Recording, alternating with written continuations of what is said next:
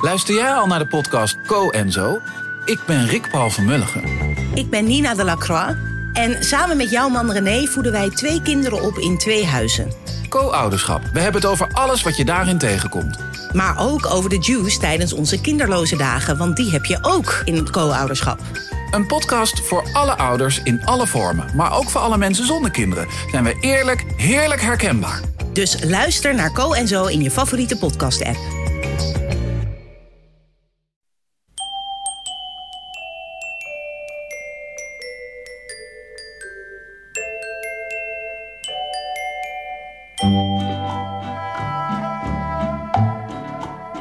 Welkom bij aflevering 441 van Echt Gebeurd, de podcast waarin mensen hun eigen waargebeurde verhalen vertellen. Deze week een bijzondere aflevering met drie korte verhalen die in september werden verteld tijdens een Echt Gebeurd workshop voor nieuwe Nederlanders. Het eerste verhaal is van Jamshid Rahimi.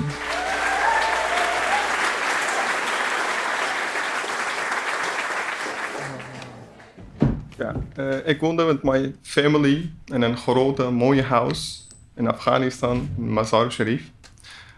Door die slechte economie en crisis en krimp gingen we ons huis verloren. Ook de zaak van mijn vader gingen we verloren.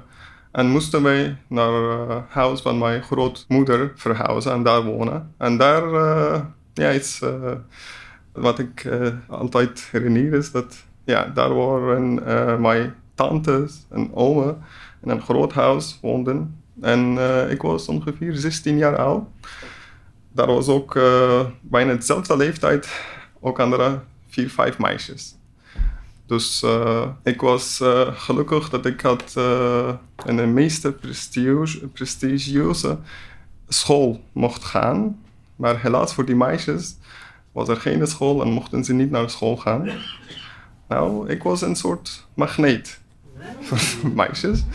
Want eh, zij komen aan mij vragen, hoe is dit, wat is dat en zo. Ja, dat was de hoogte van puberteit ook. En eh, op die tijd had ik een beetje baard. En baard eh, hier links, rechts gegroeid. Want voor Taliban mochten we niet ons baard scheren, maar ik voelde me onzeker, dus ik ging even knippen, een beetje.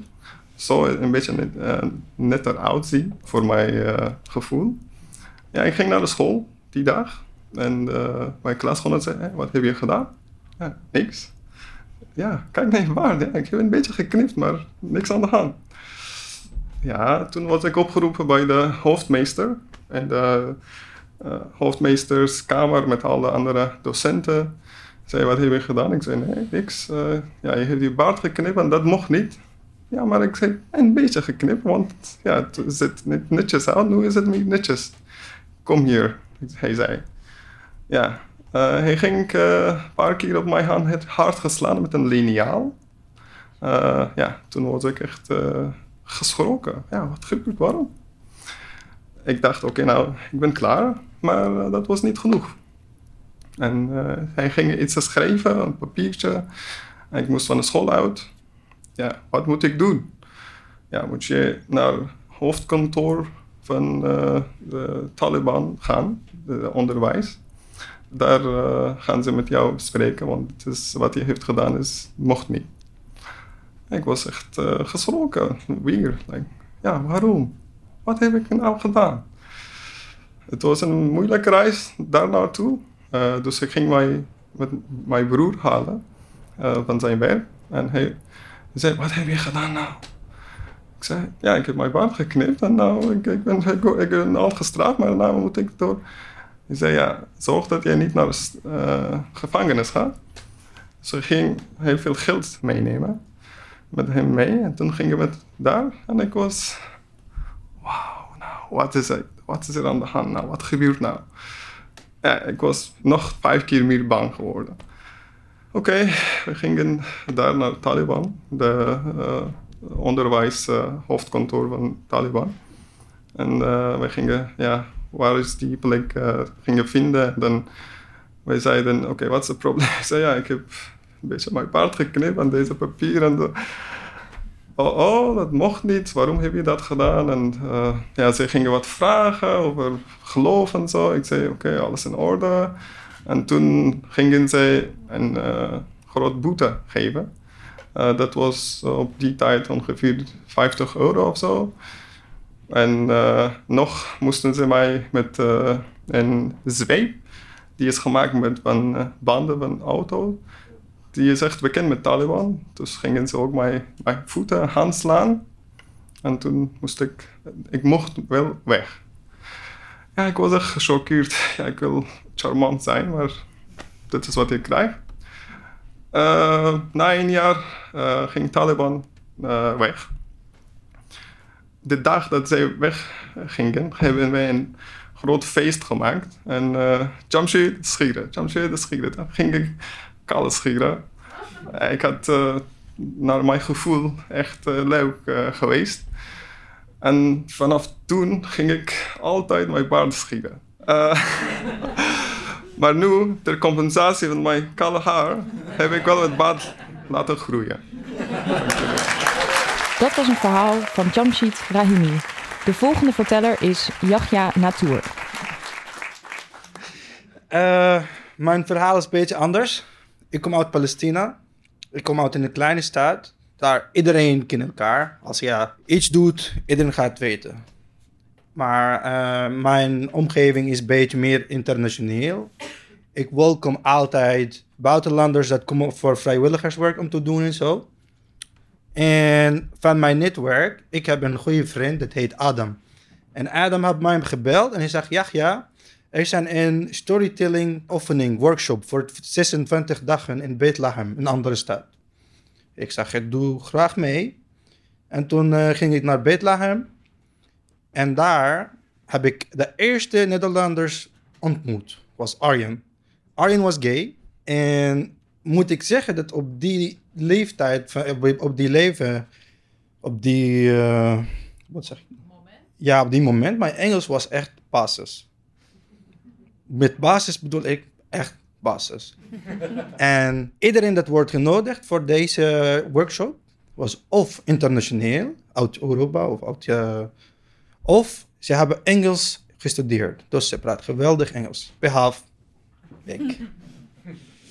en ik ken de woord gay nog niet. In het Engels. Maar wel in Arabisch. En uh, in de oefening was ook uh, iemand dat heet Fouad. Fouad Likbir. Hij is in uh, Marokkaans-Nederlands. Hij woont in Nieuw-West hier in Amsterdam. En hij weet beter wat is mijn afkomst, wat afkomst, wat is mijn achtergrond. En dan op de tweede dag, derde dag, Arjen heeft nog geen vol aantal dat hij mag die workshop beginnen. En heeft mij uitgenodigd en dan heeft, nog meer mensen nodig, ongeveer 20 mensen. Dan hij zegt, oké, okay, lastig ding om te doen is mensen uit uh, Europa, uh, Europe te uh, uitnodigen. Dus hij begint te bellen zijn netwerk in Europe. En toevallig zijn iedereen dat hij heeft gebeld was ook gay. En iedereen heeft, uh, we, we, waren, we waren in uh, een soort hotel. En iedereen heeft een kamergenoot, behalve ik, want de aantal was in totaal 21. En uh, we weten dat morgen gaan we echt beginnen met de oefening en komt nog een gast. En komt vooruit aan mij. En hij zegt tegen mij, ja, ja, heb jij een kamergenoot? Ik zeg, nee. Hij vraagt, wil jij een kamergenoot hebben? Ik zeg, ja, graag. Kom jij mee? Hij zegt, nee, ik snork. Ik breng iemand anders. Ik zeg, oké, wie is het? Hij zegt, heb jij een probleem als jij kamergenoot een vrouw is? Ik zeg, helemaal niet. Breng twee vrouwen, ik slaap op de vloer, ik slaap, tussen zijn. Maakt niet uit. Hij zegt, ja, ja, behave, doe normaal. Morgen komt een dame en moet je een gentleman doen en laat haar de kamer zien en be polite. En alles wat wordt uh, gesproken is in het Engels. Volgende dag komt die dame en ze houdt hard mijn hand en zegt: Hallo, ik ben Sophie, ik ben 25 jaar en ik ben lesbian. Dit is een echt verhaal. en ik zeg tegen haar: Hi, I am Yahya, I am from Palestine. And uh, I am 23 years old uh, and I am Palestinian. Dus ik dacht dat lesbian is haar nationaliteit. In de nacht vraag ik Sophie. Ik kon niet goed slapen, want zij gaat wat is dit land dat je komt uit van? Dan lesbian, lesbo, lesbina, lasabi. Google helpt niet. en dan, ik vraag haar, hey Sophie, doe ik de, la- de la- lamp aan. Sophie, uh, wat was die woord dat heb je gezegd na jouw leeftijd? Welk woord? Lesbi, lesbo, les... Op deze moment begrijpt zij wel dat ik spreek geen Engels. Zij zit stoel, ze houdt mijn handen en zij zegt, lieve Yahya, me, I'm a lesbian, that means I only like girls. Zeggen zij, ik vind alleen dames leuk. Dames? Ik ook. Volgende dag moeten we met de echte oefening beginnen. En dan uh, vooruit komt met deze spel. Zij dacht dat ik heb het begrepen. Vooruit komt met deze spel. Uh, we zijn in een grote plaza met speakers en microfoon en muziek en veel stoelen, veel mensen. En mensen in de hotel ook was uh, net een bus met 50 Duitse vrijwilligers, werk, uh, vrijwilligers dat net gekomen. En hij kwam met deze spel. We geven de microfoon aan iedereen. En in 10 seconden moet je over jezelf vertellen. Zonder stoppen. Je mag ah, ah, mm, mm, niet zeggen. Als je dat doet, ga je nog een keer beginnen. En ik was jong. Ik ben nog jong. Ik was jong, ik was enthousiast, ik was echt excited. En dan, laten we beginnen met dit springen, jongen. Ga door. Hè? En ik wil de tijd echt uh, goed gebruiken. Hallo allemaal, ik ben Yahya, ik ben 23 en ik ben lesbian. Op deze moment stelt, hoor je niks. Ik blijf zo met de microfoon op mijn, op mijn uh, schouder. En toen Arjen, hij wil de situatie fixen. Toen hij kwam aan mij en hij praat van deze kant van de microfoon. Hij zegt, ja, ja, bedoel jij dat je bent gay? Ik zeg, what the fuck is gay? En hij zegt, dat je vindt andere mannen leuk als mij. Ik zeg, nee, nee, nee, nee, man. Ik vind andere dames leuk als Sophie. no.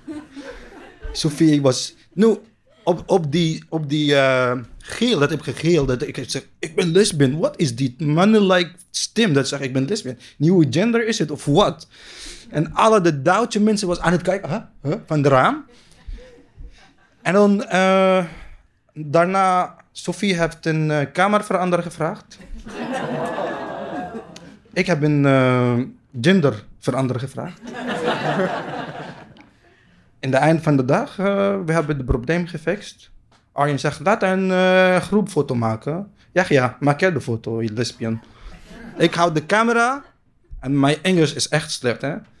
En iedereen zegt, cheese, cheese, cheese. Ja, jij bent in Palestina, we eten hummus hier. En ik zag, iedereen zag homo's in plaats van hummus. Dank jullie wel, dat was mijn tijd. Dat was Yahya Natour. Het derde en laatste verhaal wordt verteld door Ahmed Azouz. Ik was een medisch laborant in de tweede grootste stad in Libië. En ik kom uit een groot gezin. Vijf broers en drie zussen. Ik had een fantastische leven toen. Ik had een hele sterke band met een van mijn broers. Dat was Atef. Het was acht jaar verschil en hij was jonger dan ik. Tijdens de oorlog heb ik ook gewerkt als medisch laborant in een klein ziekenhuis. Maar door uh, de omstandigheden en dat elke keer een van de medische team uh, vermoord is of vermist, ben ik gedwongen om ook andere dingen te doen. En moest ik ook in de verpleging werken.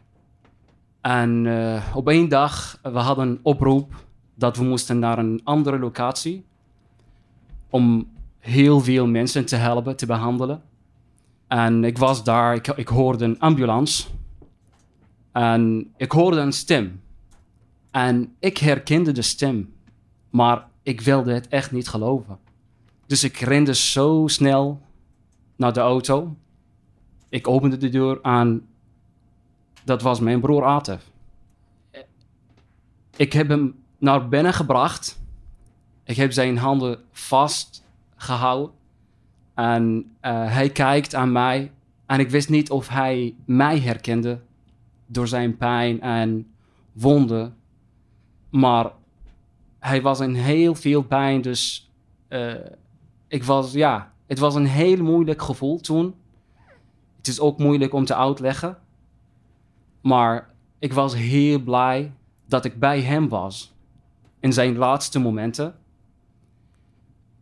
Deep down wil je eigenlijk alles doen om jouw broer te helpen of vrienden.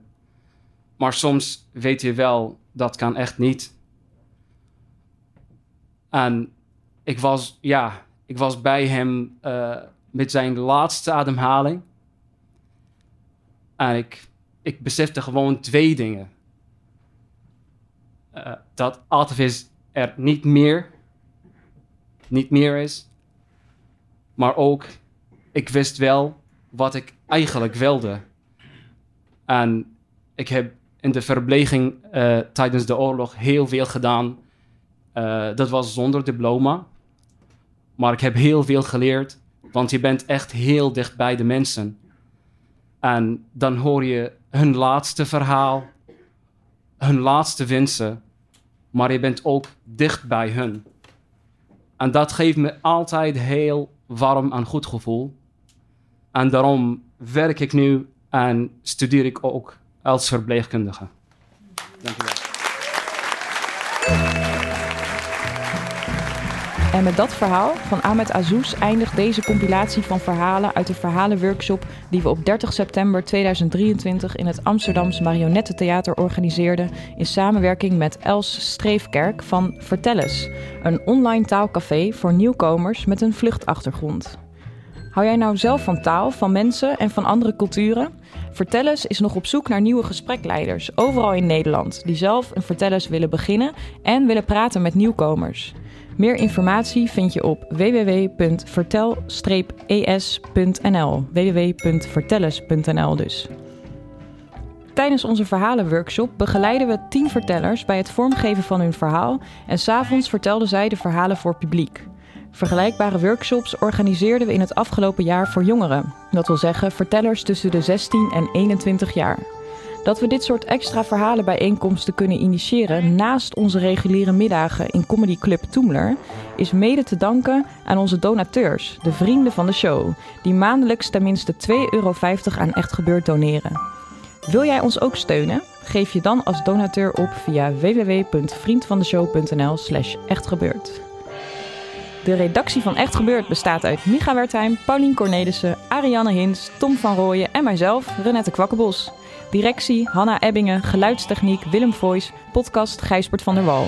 Dit was aflevering 441. Bedankt voor het luisteren en vergeet niet... I'm a lesbian!